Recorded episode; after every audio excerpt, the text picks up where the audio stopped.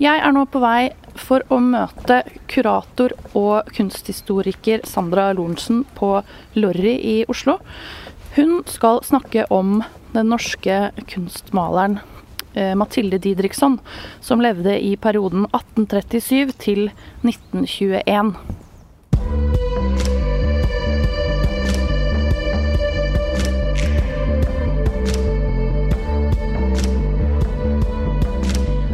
var eh, den første norske kvinnen eh, til, å studere ved et kunstakademi.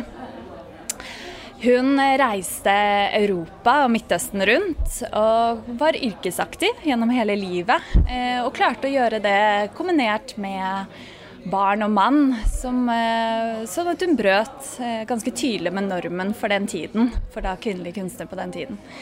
Eh, og hun stilte ut eh, på de store utstillingene rundt omkring i Europa, eh, som verdensutstillingene i eh, Paris og i Wien, og de store mønstringene av skandinavisk kunst i, eh, i Sverige og Danmark. Hun hadde jo mange støttespillere, eh, både i Adolf Tidemann og Camilla Collett, som oppmuntret henne til å studere i Düsseldorf. Og så vidt jeg forstår, så, har, så eh, støttet Camilla Collett henne økonomisk. Um, og hun også hadde etter hvert en mann som også oppmuntret henne til å, å fortsette å studere og male. Eh, eh, Mathilde Dittriksson hun var jo da født i Kristiania i 1837 og vokste opp til dels i Trondheim og i Kongsberg. Hennes far var borgermester i eh, Trondheim, men døde tidlig. Eh, så eh, moren hadde da, var alene med barna. Det var ni barn som fortsatt bodde hjemme hos henne. Eh, så hun måtte da flytte, flytte barna sine til Kongsberg. til bestemoren til Mathilde, altså, som, eh, som, bodde der i, Kongsberg. Og da måtte også moren selge mesteparten av eiendelene for å besørge familien videre. Eh, men eh, Mathilde fikk en lang kunstnerisk utdannelse. Hun dro dit kunstnerne, altså de skandinaviske kunstnerne dro på den tiden. Først hadde hun tegnetimer i Kristiania, så dro hun da til Düsseldorf. Eh, og så videre til eh, Stockholm, til eh, München og Paris. Eh, de var jo, altså, Mens hun var i Düsseldorf, så møtte hun sin eh, fremtidige mann. Altså, eller de hadde for så vidt møttes i Kongsberg tidligere, men de innledet da et forhold med, i Düsseldorf, og han fridde som veldig romantisk til henne eh, på Gudes altan i en eller annen strasse i Düsseldorf. Og, og de reiste da tilbake til Kristiania, hvor de giftet seg. Og eh, hadde da Dagen etter så dro de ut da, i den vide verden, som Mathilde Dittriksson beskrev det i, i sine dagbøker. Eh, dro de da eh, til Roma. De brukte ni måneder på denne reisen. Eh, for de eh, var, hadde ikke god råd. Eller Mathilde Dittriksson beskriver dem som et fattig ektepar. Eh, og de måtte stoppe underveis og tjene nok penger for videre reise. Eh, så de hadde flere stopp i, Berlin f.eks., eh, og så igjen i Firenze. I Firenze blir eh, eh Lorentz Dittriksson syk, men bare noen dager før Mathilde Dittriksson blir alvorlig syk med en sånn lungebetennelse som utvikler seg. Og hun er også gravid på dette tidspunktet. så de, etter seks uker så blir hun da bedre, og de kan reise videre til Roma hvor de blir værende i to og et halvt år, og hvor de får datteren Honoria Dittriksson, som blir en av de første kvinnelige legene i Norge. Så dette er en eh, sterk familie. Eh, og, og, videre så har de etter Roma så har de et lite opphold tilbake i Kristiania. Og før de drar til Sverige, eh, først til Uppsala og så til Stockholm. Og i Stockholm så får eh, Lorentz Dittriksson en stilling ved eh, Nasjonalmuseum. Eh, og Mathilde Dittriksson kommer inn på Kunstakademiet i Stockholm som den første norske kvinnen. Og Kunstakademi Stockholm er da det første akademiet i eh, altså kunstakademi i Europa til å åpne dørene sine til kvinnelige, kvinnelige kunstnere. Eh, i Stockholm så maler Mathilde Dittriksson mange av hennes mest sentrale verk, eh, som ble stilt ut på de store utstillingene. Eh, som 'En pilegrim' og eh, 'Ofelia' og 'En ung, ung mors besøk hos foreldrene'. Eh, men også eh, en, en, familiescene og 'Mesterens datter', som ble vist på verdensutstillingene i Paris og, og i Wien. Altså, hun fikk nok ikke den oppmerksomheten som hun kanskje burde ha fått, eller som jeg mener hun burde ha fått.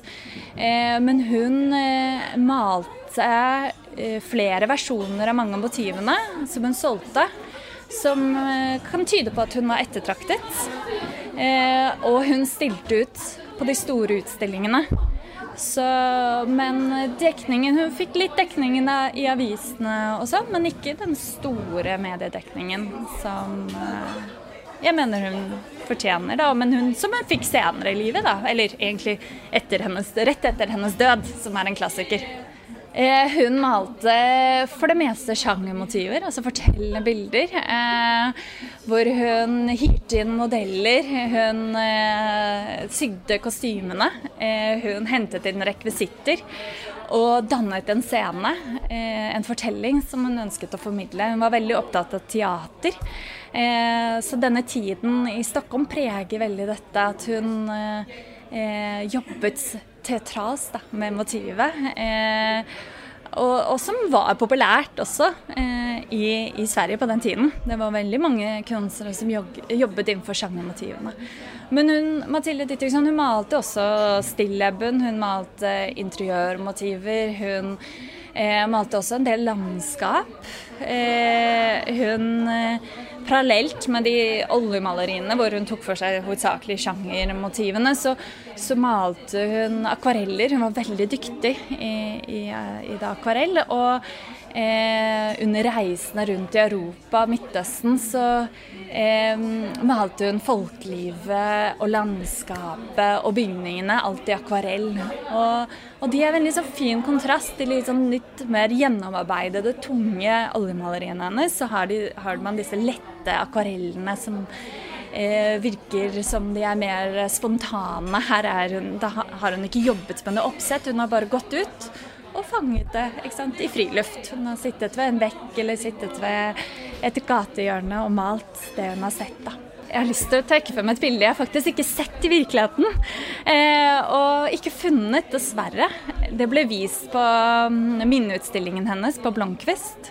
Eh, året etter hennes død. Eh, og det er et, et selvportrett fra 1918 hvor hun maler seg selv med en sånn turbanlignende hodeplagg, og hun står der med palett og pensel i hånden. Og det er da altså Mathilde som malte seg selv gjennom hele livet.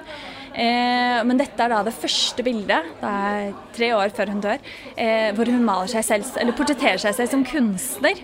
Eh, som er jo spennende. Eh, men også så er det historien bak bildet. Altså, da jeg så det først, så tenkte jeg jøss, så spennende hodeplagg, hva er dette for noe? Men det var i arbeidet med hennes dagbøker. Eh, altså det er 20 dagbøker etter henne i samlingen i, i Nasjonalbiblioteket. Og, og idet jeg leste disse dagbøkene, så, så kom jeg til dette punktet hvor hun maler dette bildet. Eh, og hun eh, Denne turbanen som jeg tror det første er, det er faktisk en stor bandasje. Eh, en stor sikkerhetsnål. Eh, hvor, eh, altså det, hun hadde da opplevd en brannulykke hjemme eh, på kjøkkenet. Og hun slet med store blemmer på hodebunnen i to år. Så, så, dette som var litt sånn et spennende hodeplagg, plutselig ble noe veldig alvorlig. Eh, en dramatisk ulykke. Eh, og datteren må komme da og stelle med, med denne bandasjen eh, i to år. Dette var jo en tid hvor Dette er året etter hun mister sin mann. Eh, man har jo eh, krig. Eh, man har jo Altså, det er jo rett før eh, spanskesyken kommer inn. Altså, det er en veldig sånn eh, eh, tøff tid i den, altså, mens hun maler det. Men så er det et lite lysglimt i det hele, hvor hun for første gang får elektrisk lys. Eh, som hun er veldig veldig glad for å få. Hun har jo da malt eh, med stearinlys og parafinlampe. Eh, og, og, det tok litt tid før jeg kjente at å ja, ja, det er jo det, det, det, var derfor at hun ikke produserte like mye vinters, vinter, vinterhalvåret. ikke sant? Og det var jo fordi at hun hadde bare ikke så noe. Og hun skriver ikke sant? det var for mørkt og det var for kaldt å male. og ikke sant, sånne ting. Så, så dette med elektrisk lys, å male elektrisk lys hun må jo sette på seg selv på en helt altså sett seg selv på en helt annen måte. Ehm, så jeg skulle gjerne ha sett dette bildet i virkeligheten.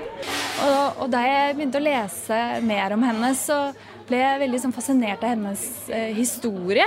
Og også følte jeg litt eh, at det var litt pinlig at jeg ikke kjente til henne. Når jeg har jo Jeg kjenner jo til disse to portrettene hun har malt av sin mann, som henger eh, i gangen på Georg Morgenstjernes hus. Eh, en gang jeg har da passert utallige ganger på vei til seminaret i kunsthistorie. Eh, men jeg har jo aldri, pinlig nok, da, eh, reflektert over kunstneren bak. Og det er kanskje noe som har vært som har fulgt henne i livet. da, At hun har blitt satt litt i skyggen av sin mann. Eh, og det er ikke noe at mannen har satt henne i skyggen. Eh, Lorentz Dittriksson var fremhevet henne som kunstner, og, hun hadde like stor atelier, eller egentlig større atelier, enn han hadde kontor. Eh, men Eh, men av andre så ble hun jo satt i skyggen. altså Det var ja, Mathilde Dittriksson, kunstnerfruen, eller, eller, Og når man har skrevet om henne, så har man ofte startet med historien til Lorentz Dittriksson før man har snakket om henne. Og da Eh, året etter hennes eh, død da, så var det jo denne minneutstillingen som resulterte i en bok, 'Nyoppdagede mal eh, malere', som Alf Harbitz eh, skrev, hvor han trakk frem Mathilde Dittriksson sammen med eh, fem, nei, fire mannlige kunstnere. Eh, Peder Balke, Lars Hertevik, Ole Juel og Mathias Stoltenberg. og han mente at disse var fem kunstnere som er glemt, som bør bli nyoppdaget. Og da var det en, eh, en, som skrev i Nasjonen, Erling Lone, som mente at nei, Mathilde Ditriksson hun er ikke noe knust eh, kulturskatt. Hun kan vi lese veldig mye om i mannens eh, memoarer. Og da kjenner jeg at det er igjen litt sånn eh, at eh, man tenker at å, men siden vi kjenner til mannen, så er ikke hun glemt. Men uh, av hennes, altså, hennes kunstnerskap uh, har man jo glemt. Altså, selv om man kan følge livet hennes litt i bøkene hans, så har man ikke den store oversikten over kunstnerskapet hennes.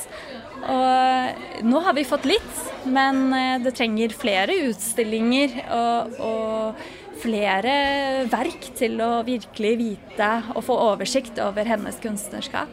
Hun var jo en av de første profesjonelle kvinnelige kunstnerne i Norge. Eh, og hun eh, var jo med i disse store utstillingene i Europa og Skandinavia.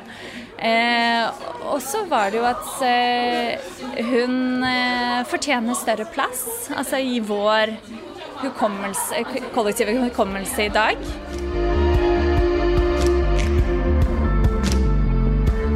Kunstpodden lages med støtte fra Kulturrådet, Koro og Fritt Ord. Jeg heter Cecilie Tyriholt. Vi høres i neste episode.